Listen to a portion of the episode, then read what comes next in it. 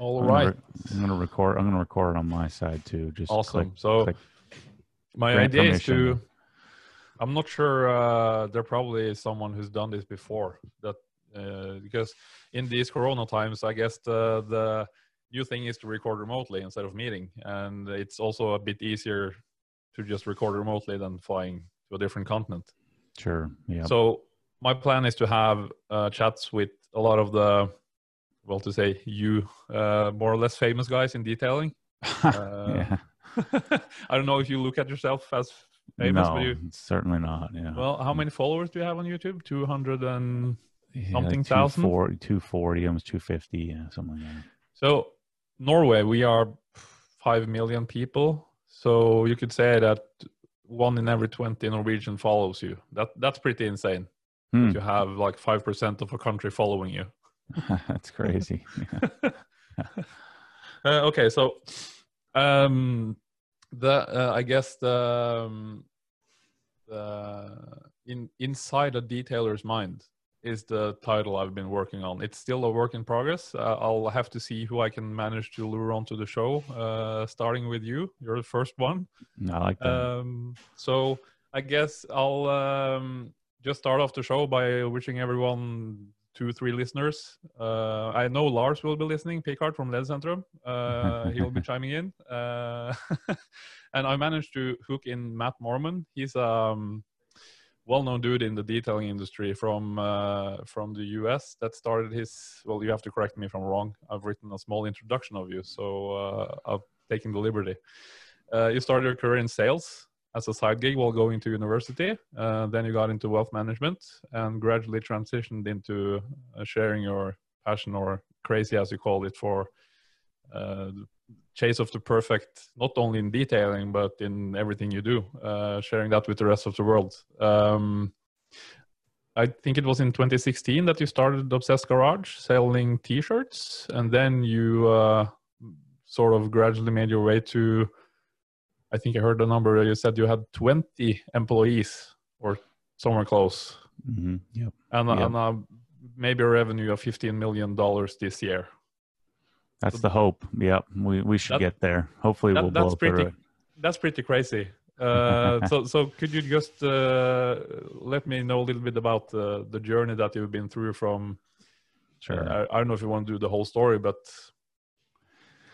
Yeah, so you know, just to clarify a little bit, you, when you say that um, chasing perfect, you know, I, I think of it more of chasing excellence, right? Because there's no there's no perfect solution. You know, to me, and I didn't realize this until I, you know, eventually uh, uh, started to work on myself, you know, therapeutically uh, to help with my, you know, it, like I truly have, like I rode my mountain bike to the uh, to the garage here today because I've crippling obsessive compulsive disorder you know, to where I'm just panicked, you know, at times where I just I can't stop thinking, I can't stop obsessing, uh, and so the, the the the the therapy, you know, I talk a lot about like I, I didn't think of myself as a perfectionist, you know, because perfection is like this unattainable thing.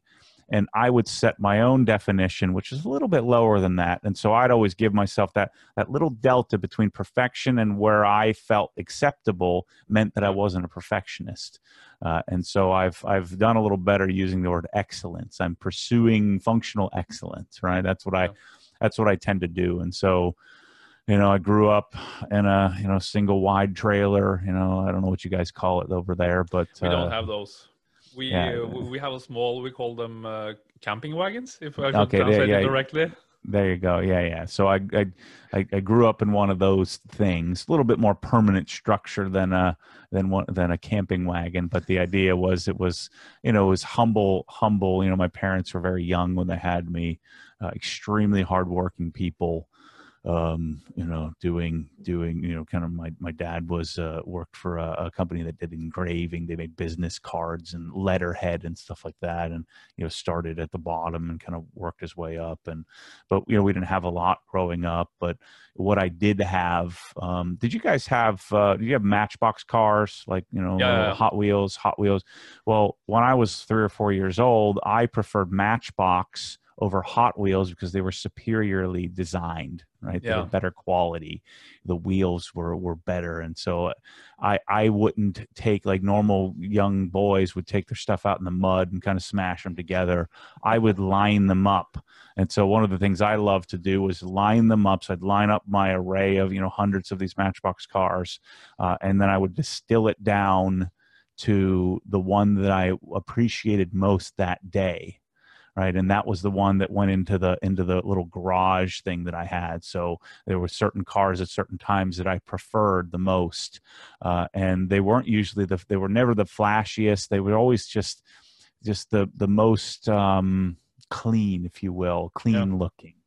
Uh, and so that's how i spent that's kind of a, a microcosm of my entire existence growing up. I didn't So I guess to now like, you upgraded to bigger cars, but it's Right. the same mentality. right but Is this see i something you have from your dad? This Uh, it's probably more from my mom. You know, my mom is obsessed too, and you know, says the same kind of you know uh, crippling you know anxiousness around this you know this overthought and worry. Uh, but like for instance, today, like I don't have a desire to have fifty cars. I want like two that Yeah. like I love. You know, so it's it it that that Matchbox thing is consistent with I want an E E92 M3 and I want a GT3 RS, and like those are the two cars. They're not the flashiest cars, they're not the fastest cars, they're not the loudest cars, they're not the most expensive cars. Like I don't have a Lamborghini desire. I don't have a, you know, I don't have a F40 desire. I don't care how much money I have. It's just not, it's not of interest to me. Um, I, I have a desire for these, you know, and, and German engineering really kind of speaks well, you know, speaks to my, you know, my neuroses, if you will. German engineering is quite uh, pleasant. Yeah, yeah. It's fascinating how, you know, what's come out of, you know, World War II and, you know, what's come out of that that people, you know, the Germans in general and how they, you know, how they've come out of that and how they've you know that that mentality of you know that excellence pursuit is you know just really speaks to me I, I noticed you you uh, recently put some of the flex machines into your line lineup in the Mhm. in the store. Yeah, you know, here in the U.S., Flex is a little bit hokey. You know, they're marketed a little bit not as um, I don't know what you guys would, would call it, but not it not as cool. You know, not Is, as is that because of the people fronting it? I think so. They're Yeah. just they're just more laid back. They don't they don't market as well. You know, like Dylan, who you know basically runs the marketing for Rupes. They've just and, and then they they hired Jason Rose. So Dylan and Jason Rose came in. You know, and they're just a great face for Rupes. So so Flex doesn't really have that. Same here in Uh, Norway. They have focus on the power tools, the angle grinders, and all that stuff.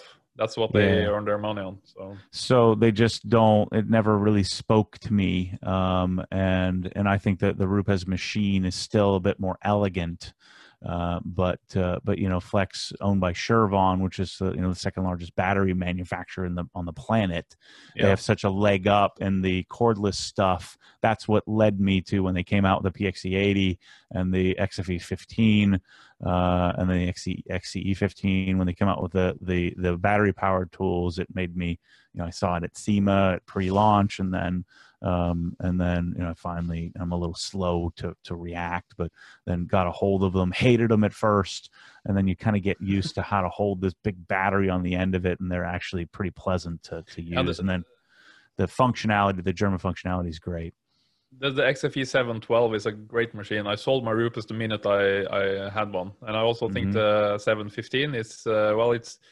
the LHR 15 Mark III is still a, a, a good machine, and I'm. I'm mm-hmm. not quite sure that the 715 replaces it entirely, but it's Yeah, yeah. The the the you're right. So we, you're talking about the the XFE 712 is the is the power the corded machine, the plug-in the machine. yeah, But yeah, it's right. It's like as soon as I got a hold of that, I'm like, this is way have better than the LHR 15. Have you tried the the LHR 15 equivalent corded from Flex? That's, Uh, that's the XFE 715. Yes, I still prefer the LHR 15 Yep. to that, but the three inch I prefer the the 712 to Yeah. the three inch the LHR 15 or LHR 75e, uh, and uh, and so I'm actually replacing that in my you know recommended lineup, uh, you know the stuff that I'll be selling. So I won't be selling the LHR 75 anymore. I'll be selling the the seven the 712 instead. And uh, and then you know recommending the pneumatic if just for the fun of it. You know, if you Yeah. if you've never used the pneumatic, it's it's awesome. I just realized I led you onto a path of polishers. Uh, you were talking about the history of Obsessed Garage, and uh, yeah, my bad.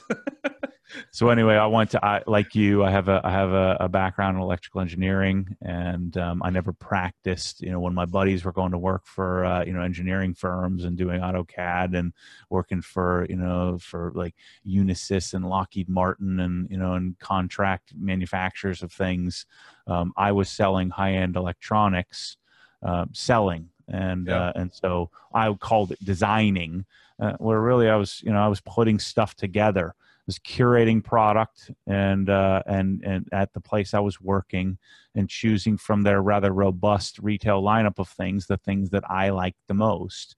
And you know, it was early on, so I'm you know 19, 20 years old, realizing that people want my advice. Uh, and the reason they wanted my advice was not because I was a great salesman; it was because I loved it and I wanted to own it. And because I wanted to own it, uh, people wanted that information from me and the result of that was the sale you know and i didn't know what i was doing. I was just telling you you know very um uh w- without a lot of eloquence just very sledgehammer in your face you're stupid. This is better. This is what you should buy. Don't question that because i've sat here and played with this for hours and hours and hours and this is what i you know this it, a lot of times this is what i own. Yeah, and so in college i went from you know from doing odd jobs on you know in, in between in, in the summers so i got something in my eyeball yeah, yeah. Take care of that. and um, i would spend I, I went from making no money to making a commission on all the products i was selling and um, and you know sure enough i actually got pretty good at it so when i graduated my buddies were going to do these naturally i have a microfiber towel on my desk uh, Yeah. um, but all my buddies were going to work for the you know these you know forty thousand hour a year jobs, and I was making whatever I could make, you know, selling, Yeah. and you know because it was a commission job and there was no salary, and I loved that. You found a passion in what you were doing. Yeah, it motivated me to get that result, and so I would chase the like I you know Monster Cable was the thing at the time. Monster cables were the interconnects, and the numbers, the the SKU numbers were were how you had entered into the system, and they started with five five zero six four four, and so it was like five zero six four four, like a component video cable at the time. This is for HDMI. You know, you component video cable, RCA audio inter- interconnects. I memorized like ninety percent of the 16 digit codes of the oh, 506 50644 so six 12 digit codes of you know and they had you know 100 different different products. I memorized all the skus Yeah. just because i wanted to know it. I wanted to be more efficient when i sold it. And i you know and so i would stand there and you know john over there would say matt what's this what's the what's the model number for the you know the the, the whatever the m1000 audio interconnect? And i would know it you know off the top of my head. Awesome. and, and so I would want to learn everything about what I we sold, but everything about what everybody else sold, so that way I could be, you know, I could I could stand on the stage when I had a customer in front of me, and and spit that knowledge. Just it was like my drug, right? To be able to stand there and impart that knowledge on somebody else. Yeah, but but you you don't strike me as a, a person who who sort of thrives with a lot of people around you. I mean, you um you're more of an introvert and not in a bad way, but selectively extroverted when you get me going about something that I'm passionate about. I'm sure you're Yeah. probably similar. Most engineers are that way. Get Yeah. me to, at a dinner party and we're talking about politics and religion, and I don't have anything to say about that. no. I just scoff at how stupid people are, you know, because I probably know more about it. I'm just not interested in it. Yeah. And so I keep my mouth shut and I just don't want to be there. And I'm very disinterested, very introverted. People discuss a lot of weird shit. if somebody brings up a you know Porsche, look out. You know, you you better know what you're talking about. I'll, I'll be talking about finger follower wear on the 991.1 GT3 and why you know Yeah. why you would need to you know to to address that. Um, and and and I'll command uh, you know 50 people in a room. Uh, but So I think there's a lot of people that are very happy with you not being into politics because then you would probably crush it. nah, I don't know. It's it's, it's of uh, you know it's of very little interest to me. You know, Yeah. to other than don't take my freaking money. You know, I don't want to pay some goofy government official my money. Don't come to Um, Norway then. I yeah, I know. But uh, we do have good healthcare and all that stuff, so it's Yeah, your system is certainly um, in many ways superior to ours.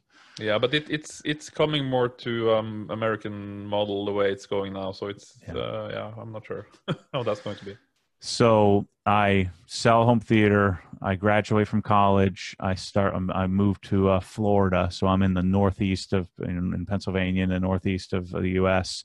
It's Yeah. about a thousand miles to Florida. I pack my big screen TVs and my uh, EM1 Civic Si, and I move to Florida. And I sell electronics for a little while. And some dude comes in my store, and I get on stage and I teach him all about what TVs to buy. And he's a uh, he works for Merrill Lynch, which is a you know substantial you know financial firm in the U.S. And uh, and so he convinced me to come and work for him. And the thing that convinced me was I sold them, I don't know four or five thousand dollars worth of stuff, and we had some some same as cash interest free financing or he paid zero interest for 24 months or something. And in the bottom of that credit application, you had to write what your income was, like how much money you made. Yeah. And and his and it was you had to you had to circle a box. It was either monthly or annually. And I had to ask him, you know, was that per month or per year? And he said, no, no, no, no. It was like forty thousand dollars or something like that. And he said, no, that's per month. And I was like, forty thousand dollars a month that's four hundred eighty thousand dollars a year. That's insane. I'm making like a hundred, and I thought I was awesome. And uh, and so then that's what you know sparked my interest, being very money motivated. I'm like, man, I could buy a lot of cool stuff with that. With that, with making 480 grand, all I got to do is is is just listen to this guy and do what he tells me to. And so I eventually went to many many interviews and got a job at Merrill Lynch, and then uh, and used that same methodology as I want to learn everything I can learn.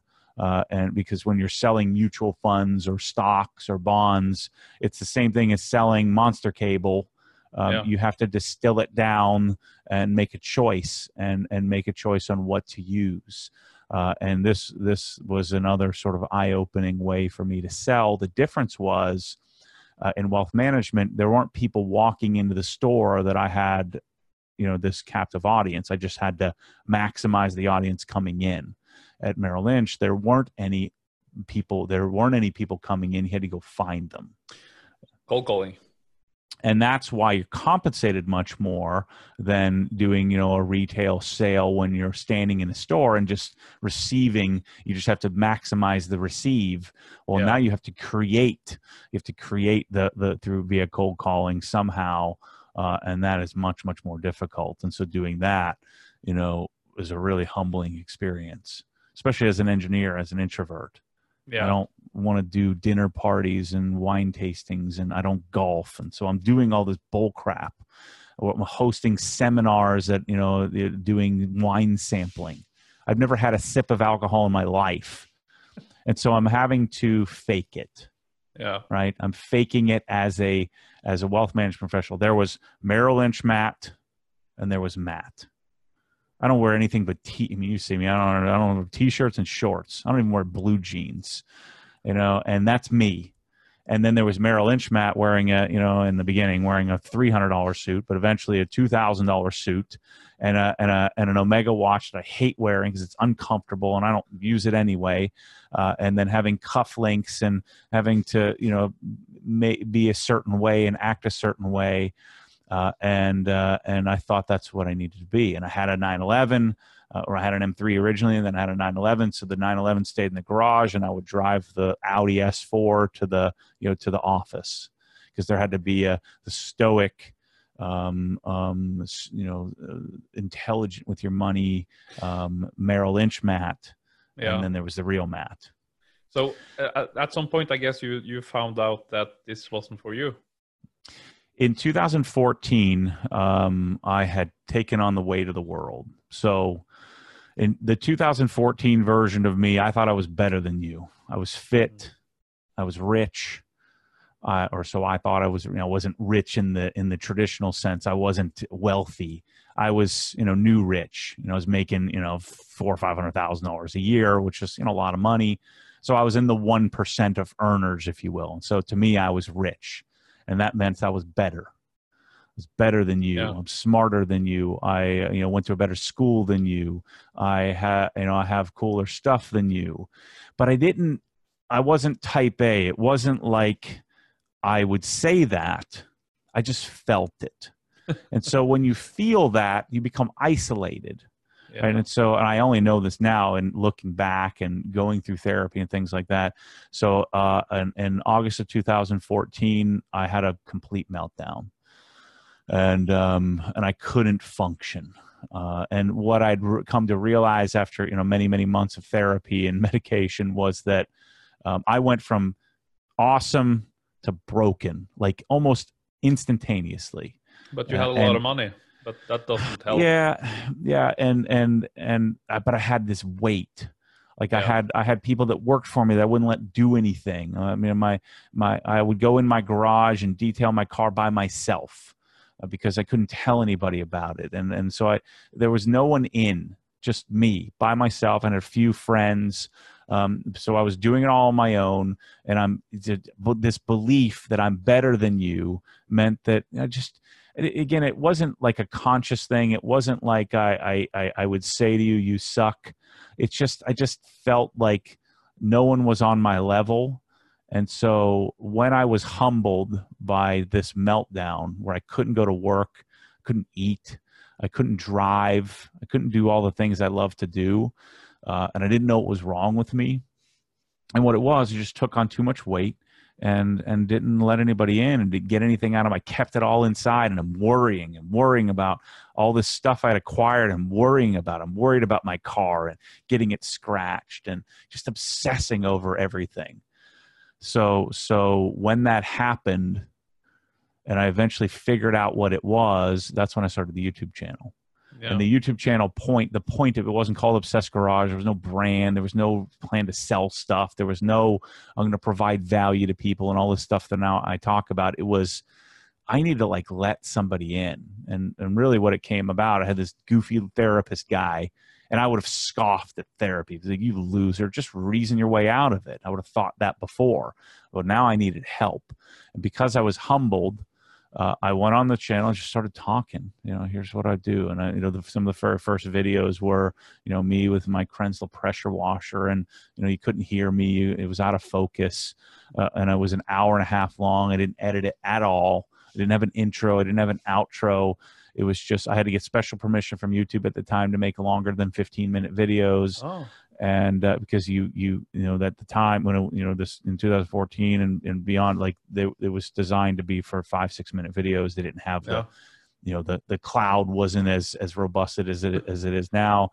And so um I got this amazing response, largely on Rennlist and M3 Post, you know, the for the, the Porsche forum and the BMW forum, and so it became my outlet. I was journaling. I would I would I would I started the journal with text, you know, writing, you know, articles on, you know, my preference of a Porsche over, uh, you know, some other car. I'd write an article on the difference between my M F80 M3 that I'd got at, at launch and the and the 991.1 uh, 911 and what what I liked and disliked. And I take took great photos because my wife was a photographer. And then eventually I started. I set up the camera to make videos as this this sort of creative outlet yeah. and uh, as to support that journal and the journal got you know hundreds of thousands of people responding to it and i just got this warm and fuzzy it was my i was on stage i was able to get out of my head connect with other people that had a shared passion and it just fixed me you know it helped me connect with others. And then I then I took my GT3 up to the mountains. I was able to start driving again, and I met this whole other group of people, and I just started letting people in. Yeah. This invitation that I'm and once I came to the realization I suck way more than most people. I'm not better than anybody. this is much more this this this this appetite for knowledge and this pursuit of data uh, is a is is just as much a curse as it is a blessing. So I think people can smell that on you.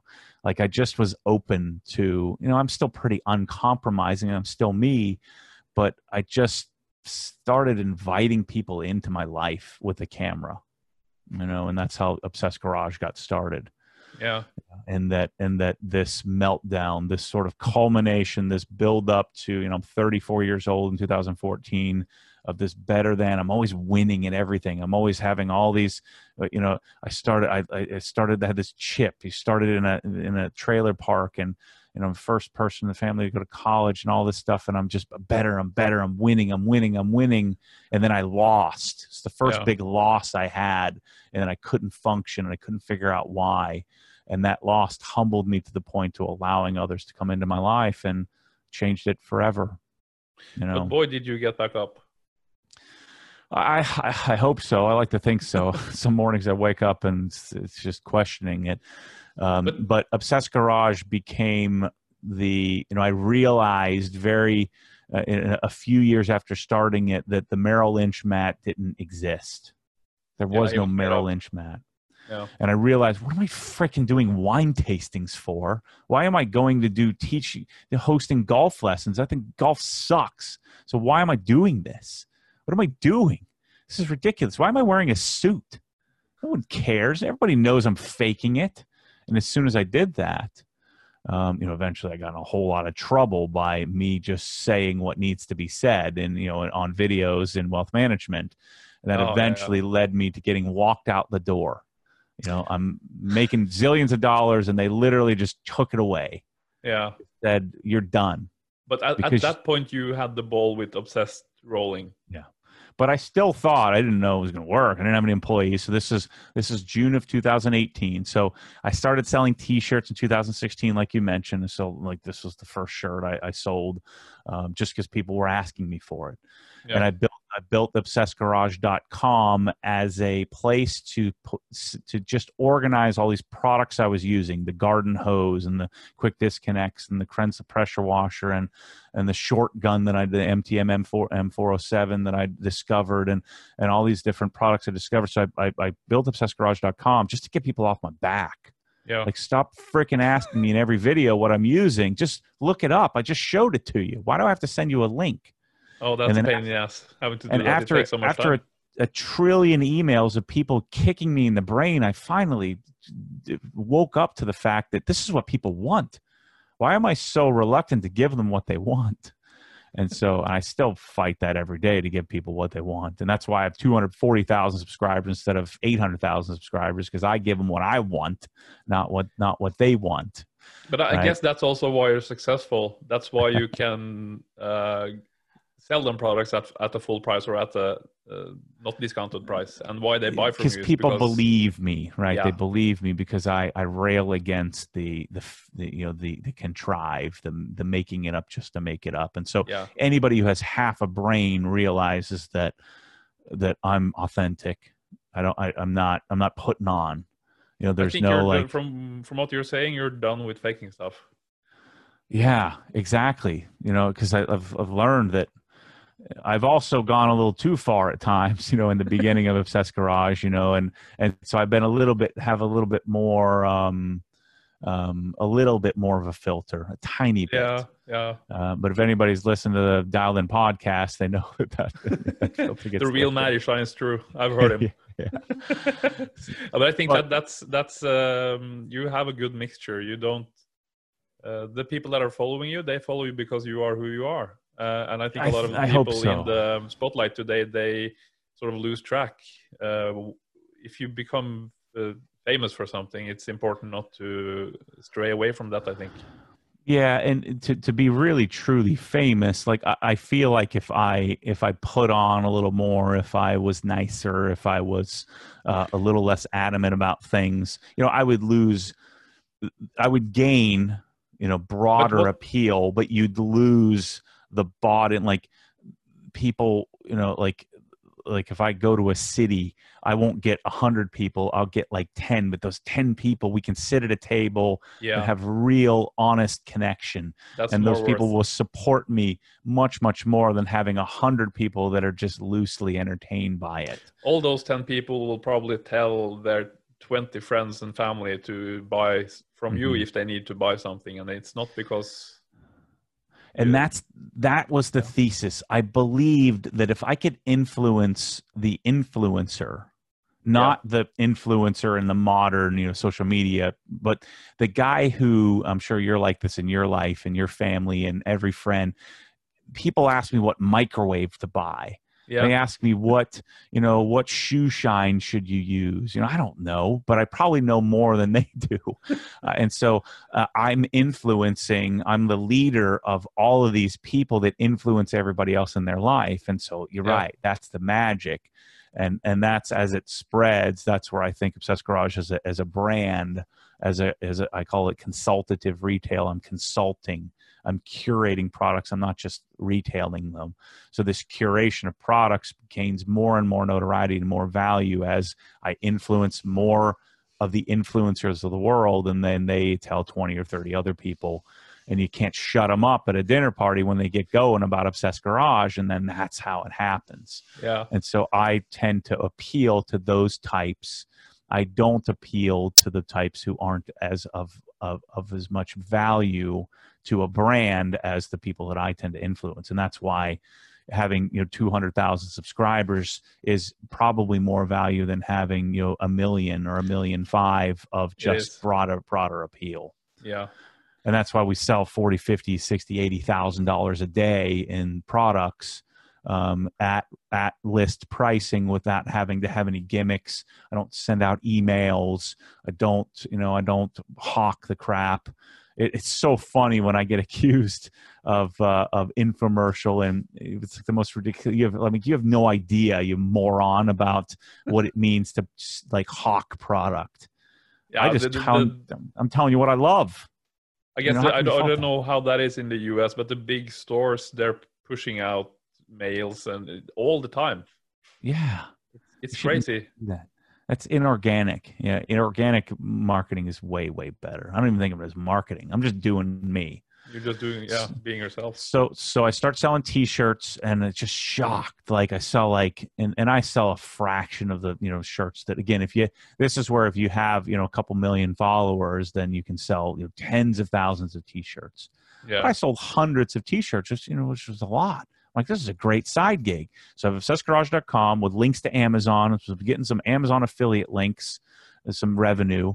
And so even though I'm making half a million bucks in wealth management, this is a nice little side gig, um, or I'm making a couple thousand dollars a month there, maybe three or four thousand dollars a month on t-shirts. So I'm making another sixty or seventy thousand dollars a year. So 10, 15 percent of my income is coming from this little side hobby. So it's helping with my wife to justify what I'm doing out in the garage by setting the camera up, yeah you know, and and so I'm making a little bit of money. So I'm like, this is freaking cool. I, I guess also it, was it like honey if you don't let me do this i'll have another meltdown was that yeah. she gave me a lot of rope, a lot Yeah. of leeway to just get out of my own head because I, and I was crushed. I was broken. And so, so this letting people in and, and, and the real discovery was, so I'm building the website. My, I'm, I, I'm starting to figure out that I don't have to be, I hadn't figured it out yet, but I'm starting to figure out I don't need to have a suit on and I don't need to be, um, you know, this, anything special, but I started to get some pushback from compliance uh, Yeah. in that um, you know eventually I made for the obsessedgarage.com. The other concept was so I'd have a product page. The other thing I got the second most questions other other than what quick disconnects do I need for my pressure washer. The other question was who are you? How do you have mm-hmm. this GT3? What do you you know what do you do for a living? And so I made the This Is Me series on the on the on the on the you know for for the website. So I had a bio page, and then I had the product page, and that was the concept. That's what that's the reason I created that was to get people off my back. so is that where the conflict started with merrill lynch Yeah, so I made you know one of the videos was "Holy crap, I'm a financial advisor." Um, you know I talked about cold calling, and, I, and then they said, you know, you're make you're giving away trade secrets. I'm like, freaking cold calling, you idiots! And so they they started censoring me, and then I started watching a bunch of videos where I'd be talking about, you know something I was doing that day in a video wash doing a wash and talk, and uh, and and they you know censoring you can't say that, you can't say this, you have to have this pre-approved, and of course that's not how I, I don't script you know and i don't i don't edit down. And so it was just a really constricting uh, but but i started to get some connectivity from people. People started to figure out man this guy cares this much about wax. What does he do for a living? And then people started to say well shoot this i want this guy managing my money. But i had to talk about it a little bit. Otherwise people couldn't make the correlation. They just thought i was screwing around all day washing cars. Yeah and so I had to kind of convince them that I was a serious businessman because I hated doing wine tastings and I hated doing golf outings uh, when I don't even freaking golf. And so, so I'm, I'm, i got this epiphany. I'm like, man, I'm getting so much more feedback when I'm just me, when I'm not Merrill Lynch me and so eventually I left Merrill Lynch uh, because they kept censoring, and it just it just wasn't a good fit. Uh, and I left Merrill Lynch to go to Raymond James, and they kind of they let me call it Obsessed Wealth Management. I titled it Obsessed Garage. I had started selling you know product in 2017, so I left I left um, Merrill Lynch in 2016, uh, January 1st, 2016. By by the end of 2016, that and that's when I you know, started selling shirts and built the website and all of that. Yeah. And then um, I went to SEMA, and um, and uh, I was being courted by a bunch of different you know companies to you know send me links to send send links. My well, used to be my friend uh, affiliate detailers domain uh, was courting me to send all of my links. I had like 15,000 subscribers at the time. Uh, and um, uh, no, I had 70,000 subscribers at the time and started to make some real traction. And you know, Phil had the idea that um, what we would do, he kept telling me there's no margins in this game. And so I believed him. I didn't know. He says like there's no there's not enough margin for two people to to collect, you know, collect revenue. And so, you know, Phil was like, here's what he came up with this idea. It was a pretty smart idea where I wanted to create the car washing package the pressure washing package, the decontamination package. And I had all these products that I loved. And his concept was look, I'll stock it and ship it because I'm like, if there are no margins in this, I'm getting 7% revenue from Amazon. You know, uh, why would I even deal with it? And so he was going to do all the fulfillment through Amazon. Uh, and then, um, like a week later, my Amazon account got shut down. Yeah. I, I tried to set up Amazon payments for my t shirts and it triggered some sort of fraud attempt and amazon's so big there's no one to call. And so it dawned on me at that moment i'm like yeah phil i love you but this isn't going to work. Like i can't um, i can't build my house in someone else's land. And i started to see the real value of of man uh, the people want the, these packages they want a one click solution. And so i you know i just kind of said look i'm just not going to do that and that's why he doesn't like me um, because he yeah. thinks I stole it from him. He's, I stole my own idea from him, uh, and um, and so um, I decided, you know what, I'm going to just start. Um, I'm going to start building packages. Let me see if there are any margin in this. Sure enough, there were, and then I started begging companies to let me sell their stuff. Yeah. So pre- I, I, launched the Kranzle pressure washing package, uh, and um, which no one else had. It didn't exist. No one was using quick disconnects no one using short gun. No one was using you know trying to get the foam cannon on the short end of a gun. Um, i learned that from some mit crazy professor nutty professor down in uh, in texas. He came up with that idea and i kind of you know he sent me one and uh, this is way better to wash my wheels with a short gun. Uh, mm. and so i didn't steal that from anybody. And so all these uh, in the in the beginning of so around this time 2017 all my idols all the detailing guys, the big names, um, you know, would kind of used and abused me.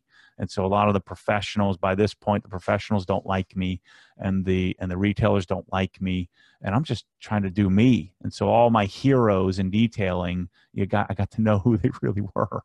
But I guess uh, they, and, they sort of felt threatened by you, and they I'm sure saw the potential. And and part of it is my fault in that I'm not very nice, and I'm I'm like a bull in a china shop. Like what what's I don't understand the deal. I should have yeah. known that that this disruption that I'm going to cause would cause some some some angst caused some some problems. And they, they probably knew they were doing stuff in a bad way, and that's why they didn't like what you were well, doing. Well, again, you know, Phil wasn't doing anything bad. He came Oh. up with a great solution for me, and um, and it it just, I, you know, the reason why there weren't any margins is because he was stuck competing with AutoGeek. He was Yeah. stuck competing with Detailed Image, and and my concept was, you know what, I don't need this anyway. I've got a job, so I got lucky, and I'm like, I don't need this. Um, so I'm just gonna. Why would I sell it at a discount? It's a waste of my freaking time. And so by accident, I got in this this whole idea of you know of providing value. And So that's when Obsessed Garage, the you know the company was born. Uh, and then in 2018, I took my camera into my office because again, I was trying to make this connection, show people I'm a real person. So I did a, a day in. I started doing vlogs, day in life series, and um, that day in the life series is what got me in trouble with the SEC. You know, with the you know the regulatory body got me in trouble with the corporation, and um, and eventually got me walked out the door, which is the best thing that could ever happen to me because then I was forced to go all in. I could have taken my practice and fought legally and gone and but but I, I didn't I, I I like that At, but I didn't that love it. time, what was Obsessed Garage? It, was it a simple web store? So uh, that would be June of 2018 we were doing you know 200 to 300 thousand dollars a month in sales. So a legit business. And that's Yeah. part of what got me walked out the doors of my outside business activity. I'm making like a million dollars You had how many on my side hustle. None Yeah. It's just my parents. My parents were shipping stuff from their house. Yeah, So I had Rag Company microfiber towels and MTM quick disconnects and all my T-shirts and um, you know we probably had you know 75 different products. Um, but you know we're doing a lot of pressure washer sales. I hadn't done the pressure washer test series or any of that stuff. Um, but um, but yeah, we're doing you know a couple hundred thousand dollars. So that that in 2000 and so in 2006, no, 2017, I did a million eight in sales. You know, I'd say 30% margin. So you do the math. Yeah, yeah. Uh, and then, um, and then 2018, we were on track to do about, you know, to do about 3 million in sales. And so with my parents and me, I mean, a $3 million business at, you know, say, you know, it's a million dollar roughly business and, and profitability um, you know, and I could pay them a salary, a nice salary, and you know, convince them to move down here. And yeah, I thought it could do pretty pretty well. You know, make you know make more money than I ever made, and get to do what I love doing. And I thought, you know, I could have this little niche business. And then, you know, in 2019, it kind of blew up. You know, so so I went from when I was walked out the door, I thought, well, what I'll do is I'll sell my house. I'll sell my cars. I'll get like a Golf R or something like that, or a R34 Golf, and I'll kind of downsize. And I'll I'll try to I'll try to survive and see Yeah. if I can make it. Well, I never had to do that because the thing freaking launched and took off Why? Why did it take off? because I was focused. Yeah. Now I didn't have to go into the office, you know, all the time. Did you spend Uh, any money on ads, marketing, or did you just Zero. do organic? Nothing. That's Yeah, awesome. I, I doubled down. I started collaborating collaborating more. So I did some more collaboration videos with Adam LZ and some other people. Um, I started traveling around. I went to Meguiar's. I went to um, I went to Optimum. I went to um, um, you know different places to you know make you know create content to learn more about products. I went out to P&S. Yeah. Um, I went to all these different places to kind of you know double down on figuring out the product line. I really focused on the website, and then I started hiring people. I hired Ted to help my parents because it was too much. I hired um, Chris to come help me just take some of the emails of what pressure washer should I get. I hired Bryce to come in and then help me edit videos, Yeah. and it just and it just started to. I started to create an organization from there. All the while through this whole multi-year process in 2015 is when I met my coach. Uh, and so I've had a coach do this whole process to kind of help me formulate and figure this out. Yeah. And so that's where we get to today, you know, or we'll, you know, we'll do somewhere 13 to 15 million this year. And I think we're just freaking getting started because I, now I'm starting to, to have leverage. And then I have the, all these smart people that work for me that can help get out of my head into the world in a quicker fashion. My yeah. my thing is not detailing. Detailing is like 20% of what i do in the garage. The anchor of my obsession is the garage the flooring the lighting the cabinets the tools the detailing supplies the cars. All of that stuff is is what i love. And so the end goal is to be able to provide an end-to-end solution. I want to be able to provide people the paint.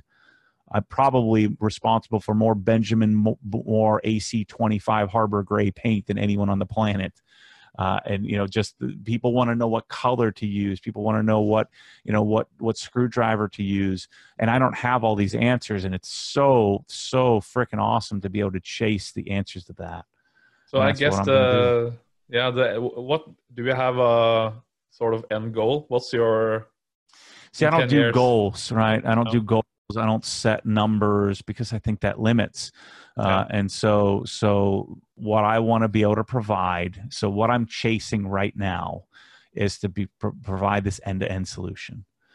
Lifts you know uh, every every square inch every part and piece every every everything from air conditioners to you know the air compressor to the fittings to the part and the piece it's going to take me years to get there and i probably will never get to the end of it so that's the interim goal is to get to that point while continuing to figure out how to provide solutions to people. So when I find something that I want for myself, how do I then get it to you?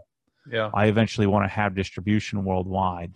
You know, I'm getting knocked off in Norway and the UK like crazy. I mean, there's some goof that has the obsessed Mosmatic collection. It's not even the right stuff you know yeah the i heard you talking about uh, obs- obsessed detailing garage or something in the uk yeah yeah, yeah well, there's a no, there's there's a Mosmatic, you know, guy that you know sells Mosmatic. He's a pressure washing guy, pretty successful okay. business, but he has the obsessed collection. It's the obsessed detailing garage collection. Uh, so I'm getting knocked off all over the darn yeah. place. And then you know the, I'm responsible for you know bead maker in in Europe and and you know products like that that I had I just liked it and yeah. and so uh, but I you know I I want to be able to provide those solutions to people instead of people just emulating that. And so my one of my next if you're if you're going to put a goal on it is to get to Canada. I'll start with Canada, figure out how to distribute there. Uh, and then you know Australia, UK, you know, and then where you guys are would probably be a great place to have an obsessed garage location as well. Well, I, I think the the uh, do you uh, what amount of orders do you ship outside of the US? Is, is that uh, it's like probably 10%? six six or seven percent. Yeah, it's not enough no. because it's so expensive. It's so costly, you know, for, yeah. to the end user. Uh, because again, I'm asking them to pay shipping. Uh, it would be stupid not to. it doesn't make any sense for me to pay you to buy my stuff. Nope, that um, doesn't um, make but, sense. but if I could remove that barrier, you know, I, I do know that you know in, in English speaking countries, I have a pretty you know probably more loyal following in you know in the Philippines, in Australia, and you know in Norway and UK, yeah. probably more loyal than even the U.S. You know, and um, and and so I think that. I, the, the, the tricky part is, you know, I could partner with everybody tomorrow. I don't want partners. I want to own it. Yeah. Because eventually what will happen is, you know, you and I partner uh, I do all the freaking work. I spend all the money. I take all the risk. Now you're packaging the boxes, and so eventually you believe that it's you, and then you try to steal it. Yeah, uh, that's, so that's that's why I have to own it. Yeah, uh, and so I've got to figure out how to do that, and I'm not in any rush. You know. Well, I guess one one way you could but that's probably a bit ambitious. But if you have your own line of products, you could sell those to uh, distributors yeah, see, I don't, I don't have aspirations to do that. What my no. my uh, my thought process is to create co-branded stuff. I'm not going to be able to create a um, an excellent enough line of products utilizing or, or just um, leveraging you know scale or leveraging purchasing power. For instance, yeah. I could go to Warner Chemical or B and B Blending, spend you know a year developing my own detailing line, but it's not going to be better than a than a and then a curation of the best from Sonax, the best from Adams, the best from you know from from you know all these products Gyeon and and Gtechniq. It's you know if I tried to make a coating with B and B, do you think I'm going to beat Gtechniq at their game? They've oh. been doing it for 20 years. There's just no way. So why wouldn't I just work with Gtechniq to take the best of what Gtechniq has, or the best of what you know each line has, and then co-label that and have Yeah. them make hopefully make an even better version of what they have, uh, and then put it in a better bottle. And so my my thesis here is going to be that I'm going to be extremely transparent. I'm going to eventually ask the you know the companies to tell me what's in it. Give me this. Tell me what the secret sauce, so I can tell everybody else. Uh, we're going to put it in a fifteen dollar spray bottle uh, that nobody believes anyone will buy, and I say, just freaking watch me.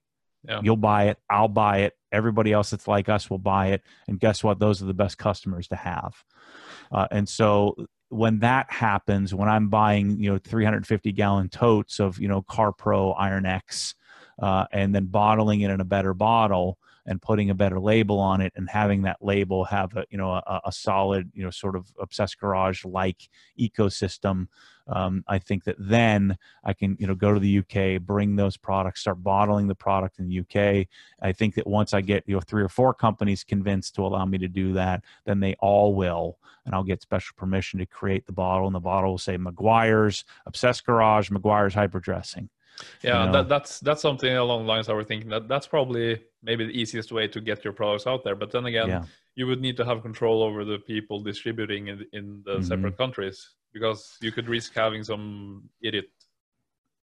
yeah everything. and, and so and even then even if i do own it there's still risk and so this is a this is a much longer long thought process i get at least you know an email a week from somebody saying i've got the idea matt here's what we do Yeah. um, in my basement i've got extra room you buy all the product they don't say this but they th- this is really what they're saying is you buy all the product so you just invest all the money you send it all to me you sell it all by marketing it all and i'll just collect half the money Great So, idea. I said, "That- that's genius you got Yeah. me that Wow. and and then and then i'm going to steal it you know once it acts, gets built up and i don't need you anymore Yeah.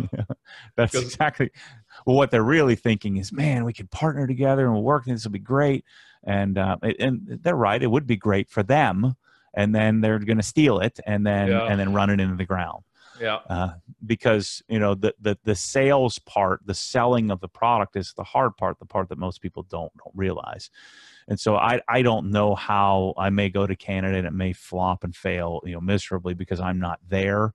Um, but um, but I, I do think that um, uh, it's going to help me figure out how to do that. And so that's that's the that's what I'm going to attempt to do is to do this sort of create this co-branded end-to-end garage solution of excellent products and then we're going to revamp it and revamp it and revamp it and revamp it and change it and improve it and improve it and do it forever I That's guess you could goal. you could probably go a lot further without branching out to other countries because the market you have in the US is uh it's plenty big enough right yeah.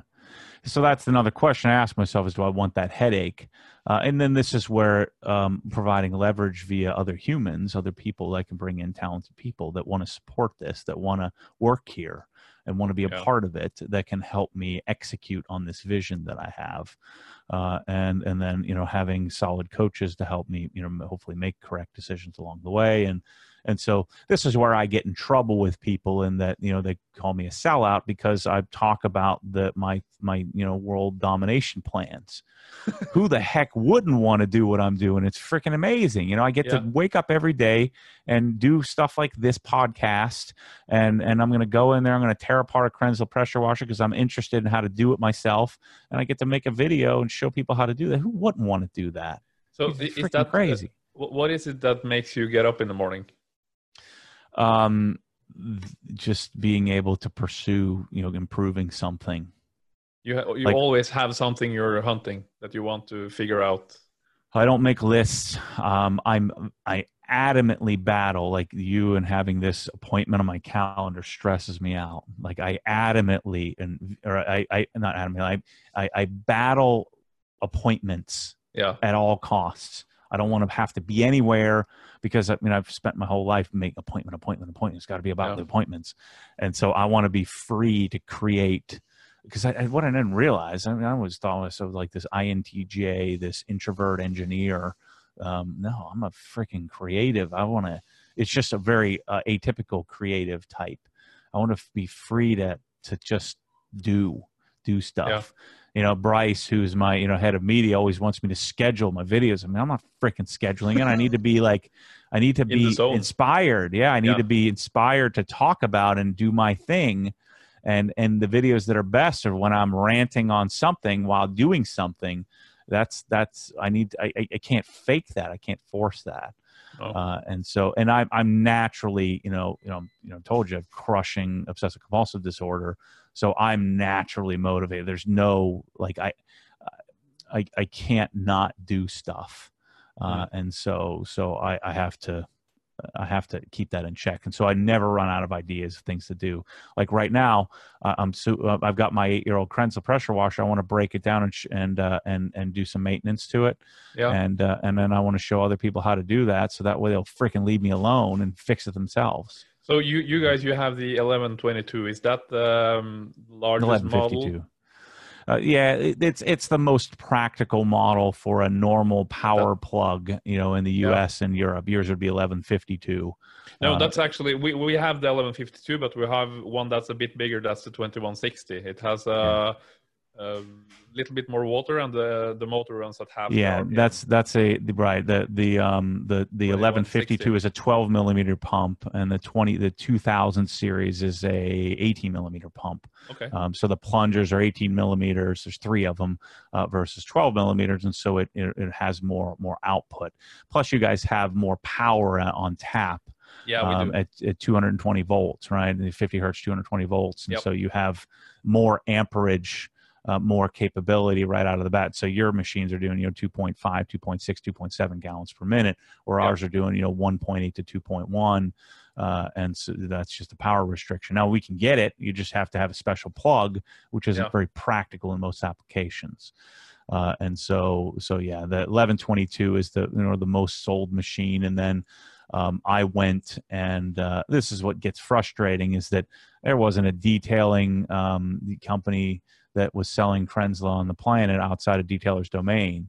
Uh, and uh, and now you know now it's everywhere and everyone's Yeah. copying and now everybody has packages and in fact Kranzle and Mosmatic all these companies battled me about using quick disconnects you're not supposed to use quick disconnects on a pressure washer it causes problems affects flow uh, but I wanted to be able to break down my nice fancy machine and shine it up, put it back in the cabinet. And so none of that existed. And Yeah. yet I get frickin' zero credit for any of it. So Yeah, that, that was my next question. Do they have a statue of you over at the Kranzle USA company? no, no, no, no, No? no, no, no, no. They should have. No, they just use me to go out and sell to other um other dealers, which is Yeah. frustrating. And then then those dealers, you know, advertise against the audience. You know, they run ads against it. It's uh, and that's why I'm going to have to eventually figure out how to you know protect it. You know, Yeah. I'm always going to be out front of everybody. You can only copy so fast. I'm faster. it, it won't be it won't be the real deal, the copies. Yeah, but it, you know it, it's frustrating. There's there's only a certain piece. There's only a certain pie, and so when you add on these other people that are copying, they're just trying to take a slice of the pie that already exists. Yeah. They're not making the pie bigger, No. uh, which is frustrating to me. And but I, you know, I have to just let that go and just you know you know look at Apple. You know, Yeah. look at you know Apple has you know Android is a freaking direct copy of it of iOS Mm. and and now you know there's you know thirty percent of the people believe that Apple sucks and that Android is superior. Yeah. Um, and and when Android is a freaking direct exact copy, you know, stole the whole darn thing. Now Apple has to steal from them in order to sort of keep pace with their own product. And so that's part of life. It's part of capitalism. It's part of the deal. And if I wake up every morning worried about that, some days I worry about it more than I should um, because I'm getting plenty for myself. And so, but 90% of the time I'm, I'm, you know, confident in that. Yeah, I think the, the the most healthy thing to do is to don't care at all about what other people do and just do your Man, yeah, that's that's the place, and I get a little closer to that every day. So that's one Yeah. thing I try to improve. Who? So when you part of the reason why I never let anybody into my life is they always disappoint you. Yeah, You know, there's it opens you up to hurt and more disappointment. yeah, You know, I have there's so many people in the beginning that I let everybody in and I let them into like my house, like literally physically, like come into my house. And many of those people have turned on me, you know, that, that they say that I've sold out or I don't this or that or whatever story they've made up and where, you know, really what it is is I, I didn't love them enough. Uh, and, and that hurts, man. It hurts when Yeah. you let people in and then they, they talk trash on you or they you know they say you they, they don't realize the decisions that i have to make every day uh, on you know on now i have an an organization and you know 20 families that i'm responsible for uh, and they don't if you don't have any frame of reference for that it, it's hard like when i'll choose a product that they don't agree with um, that they they make up some story around it it's really hard for me to to just not care but if you can get to that point where you just don't give an f about anything. And I see and- the and- conflict. it's hard. yeah, it's hard to not be a jerk and not care. So there's that beautiful balance of caring for people and being, you know, you know, Adam, Adam from Adam's, you know, Adam's polishes, I think, is a master of this. Yeah. Um, at, least, at least I get the sense that he really cares about people, and but doesn't care about what people say.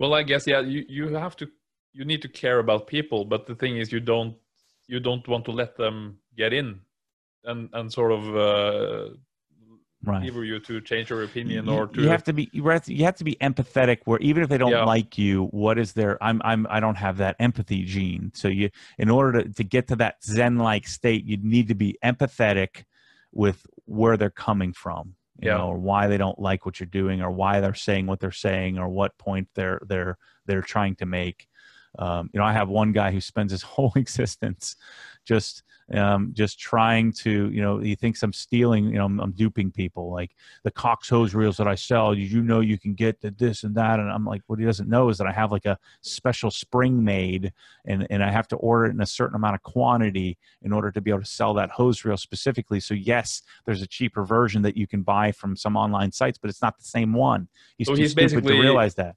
He's spending eight hours a day or something. Just Yeah. Hating. what and- what and- an honor to have someone hating you like that. That's yeah, awesome. but I don't want that. I want everybody No. to like me. You know, But- really I mean, if you if you can have someone hate you that much, imagine how much people can love you. yeah but i don't i don't want either i just want people No. to be normal i want people to buy stuff from me so i can keep messing with you know milwaukee tools and figuring out which is the best one. And Uh, so you know when i'm 55 years old i'm sure i'll i'll, I'll be uh, i'll be much i'll have that part figured out. Yeah, but you know and forgive me i'm not complaining about this but it is something that you know is tough to deal with that I, I that most of the time guys like us wouldn't you know that engineer that type c wouldn't allow in and and you limit yourself so much and so once i let that go and and i feel like the limit switch has been removed from my life yeah. even though there's some negative that comes with you know for be careful what you ask for kind of thing um, that comes with it yeah. All right. It's, been a it's been a Um, rough go at, at times, but um, but man, what a great existence to wake up today. I'm gonna go mess with the you know with a pressure washer and you know because that's what I want to do. You probably have. Uh, we've been chatting for almost one and a half hour. You probably have something you want to get done before you're I heading told home. well, I told you that um um you didn't need to have a bunch of questions with me. I'd freaking talk your talk your face yeah, yeah. I sort of figured that out before the, the chat. Get me uh, get me talking about myself yeah. or something I'm interested in, and uh, you can't shut me up. Oh, but that that's the uh, so the worst podcasts or the worst interviews I listen to is when the guy being interviewed actually aren't isn't allowed to speak. Yeah, yeah. what the well, hell is I- that about? that's why I don't interview people because I tend to I, I tend to over to overtalk them. yeah, but you're the perfect interviewee or whatever it's called. Yeah, yeah, Yeah. yeah. Because you just put a dollar or ten cent or whatever you call it in, and you just go on. That's perfect. Yeah, well, that's my story, man. If you ever want to do it again, I'm I'm happy to. Again, I'm always happy to talk about myself. It's So do, do you have? I guess do you have any sort of advice for? Because you you probably have a lot of people looking up to you. Um, maybe they don't want to be you, but they want to probably be some version of you. Uh, either if it is that they see the company and they want to have a, a company like yours they see you and they want to have a, a wife like yours or a car like yours or they want your kids you have sort Yeah. of a I- think that um, I've been thinking about this a lot. You know, um, I was watching. Um, I don't know if you're familiar with uh, uh, Marques Brownlee. He has a YouTube channel called MKBHD. Yeah. Right. He's like the preeminent tech, you know, vlogger. And you know, I was watching something where he was talking about. Someone asked him a question about. Um, he was on some really small podcast. Clearly, just a, a friend of his that he was he was being interviewed, and you know, one of the questions that he gets asked most is, "How do I get to do what you're doing?" Right? How do I get to be you?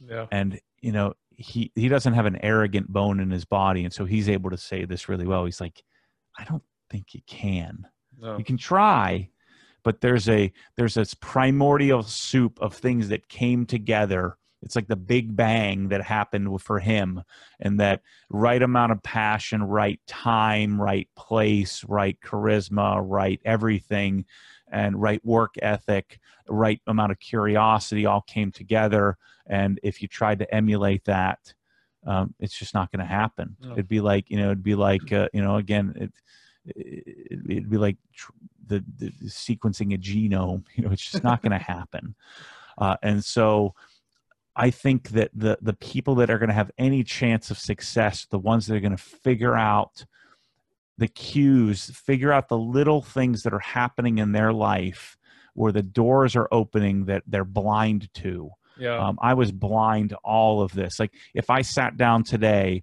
or if I had sat down, you know, if if I knew what I knew today, and Obsessed Garage didn't exist, and I tried to create it, it would probably, it very likely wouldn't work.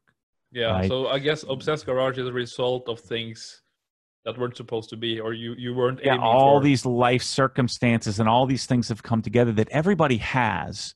yeah. And so what I would caution people, what I would, you know, the advice I would give is forget what I'm doing, forget what, you know, Larry Kosilla has done, forget what, you know, what what what Tommy's doing, forget what everybody else is doing and do what feels right to you and and and do your best to keep your head on a swivel to find out when these doors that that open are opening. Sometimes you Yeah. have to make the door.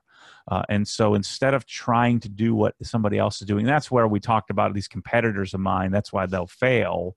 Uh, they may see some success, but they'll never be fulfilled in that because it wasn't their idea. It wasn't their thought process. Uh, So, so don't go into something saying, "Man, I'm going to do this better." Don't emulate what somebody else is doing. You can take inspiration, but do your own thing. Take your own path, Be open to your own doors uh, and and certainly be inspired by others. You know, I'm inspired by other you know other businesses, other brands, and things like that. But but do what you know what what you're passionate about, not not emulating what somebody else is passionate about, and you like the same thing. Yeah, yeah, you know? and I and what an awesome time to be alive. I mean, 50 years ago would not be possible to do what you're doing right now. You could not.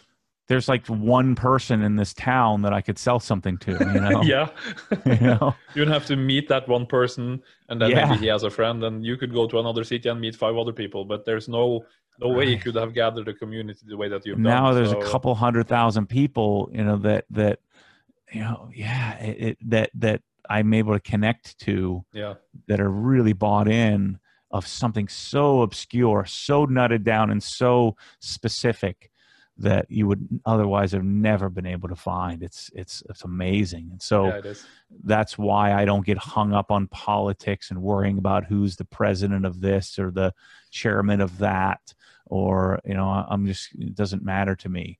I'm gonna I'm gonna make it work in whatever environment um, you know I'm in. Uh, As long and- as you're the president of Obsessed Garage, I guess it's all good. yeah. Yeah. Yeah. And so you hear the struggle with that. It's not you know it, it's easy to sit here on a podcast and say that you know there's all this inspirational stuff. It, it's not that simple. So even even when you're even when you get to where you further when you ever thought there's still you know there's still some things you have to kind of bring yourself back to center Yeah, you know and and and chase if you can hide behind the passion and you know care about people but not care about what they say and have empathy man you could you could really do something in life and and if you don't just copy others and you try to figure out what your own niche is that man, you know. Yeah, but I also guess the, the the passion is at some point it's hard to to to keep it at the same level. I would guess because if something gets too big, how can you hold on to that? Yeah, I think that um, that's where um, you have to be cognizant of um, of of making sure that the, the, paths you choose are consistent. My coach had me sit down and um, with an uh, with a master planning architect. He was trying to figure out a way to get me to figure out all these opportunities I have coming. Says, now now the doors aren't as blind. Now there's doors everywhere. So in the beginning there were like there weren't any doors. I couldn't see them uh, yeah. And now there are like all these doors. Now, which one do you go through?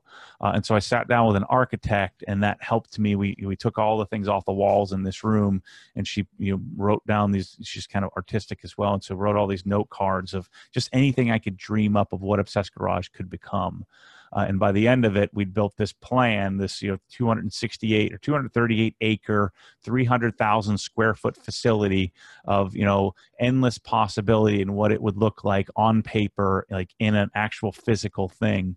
Uh, and that really helped me immensely figure out which doors do I open, which doors do I go through, uh, because yeah. now there are so many doors that it, it becomes a, a, whole other problem. So in the beginning, you have a problem that you can't, you don't have any doors to walk through.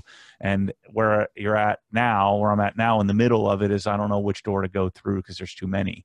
So, which has its own set of, you know, subset of problems. So I guess Obsessed Garage is uh, the detailing or the garage equivalent to SpaceX. You'll probably have your own air landing strip, and then people can travel to Obsessed Garage Land. That yeah was part of the the idea is that you know I hate traveling, and so if you can remove the yeah. inconvenience of it, that yeah maybe if you're you know if I, if I have you know if I have that much money, um, and again money to me, and this is funny, and I get take a lot of flack for this. Money means nothing to me money is just a result money is just a tool um, yeah. yeah. it's great to have lots of money but i don't i don't care about how big my bank statement is in fact i probably should care more about it um, uh, uh because then you know this is why me being a financial advisor was probably wrong well i think you know? if you if you cared about that you probably wouldn't buy a $7000 monitor Right, right, exactly. Man, I love that monitor. I love the chase of it. I love the pursuit of it. But is and, it like, is it, is it worth? No, well, I guess how, that's how we measure it because no, you have a one thousand dollar monitor. This obviously won't be seven times as good. No, no, no, no absolutely is it, not. Is but it the best monitor you can get, or is it possible to get yeah, I mean, better. you spend thirty thousand, forty thousand dollars more, you get a reference monitor. So, it it the to to me the fit and finish and the packaging of something like that is is what really gets me. You know, yeah. the, the yes, you can buy an Asus or Asus or whatever that thing is, but it's it's it's it's lazy engineering. Great result, yeah. great performance, probably better performance. It's like it, it goes back to you know Porsche you know you can get a camaro way faster than a 911 yeah but it's lazy yeah. you know corvette is that's why that corvette i had i hate it it's just lazy. Uh, and so yeah I'm, I'm, having to pay $238000 for my you know gt3 rs when i could buy a you know an $80000 you know zl1 and and annihilate my 911 in a straight line and probably around the track with a few tweaks. Uh, but it's lazy you know, is the Corvette, the Z06 is faster than my GT3, but it, it you know doesn't appeal to me. And so the Apple monitor is another embodiment of yeah, I could get a better monitor for less money, but the packaging, the design, the look, the feel, the experience, the unboxing, the whole package. Yeah, yeah. So what you're excellent. saying is you don't actually care that the monitor is seven thousand dollars because no. you have the means to get it, and that's not not interesting. It just happened to cost seven thousand, yep. and then because it existed, I knew that I wanted it. And yep. being seven thousand dollars probably made me want it more. But but it's excellent. You know, it's yeah. excellent. Is it perfect? Is it the absolute very perfect best? You know, probably certainly not. But it's excellent. It's functionally excellent, and that's yeah. what gets me. That's what I. That's why I like Apple.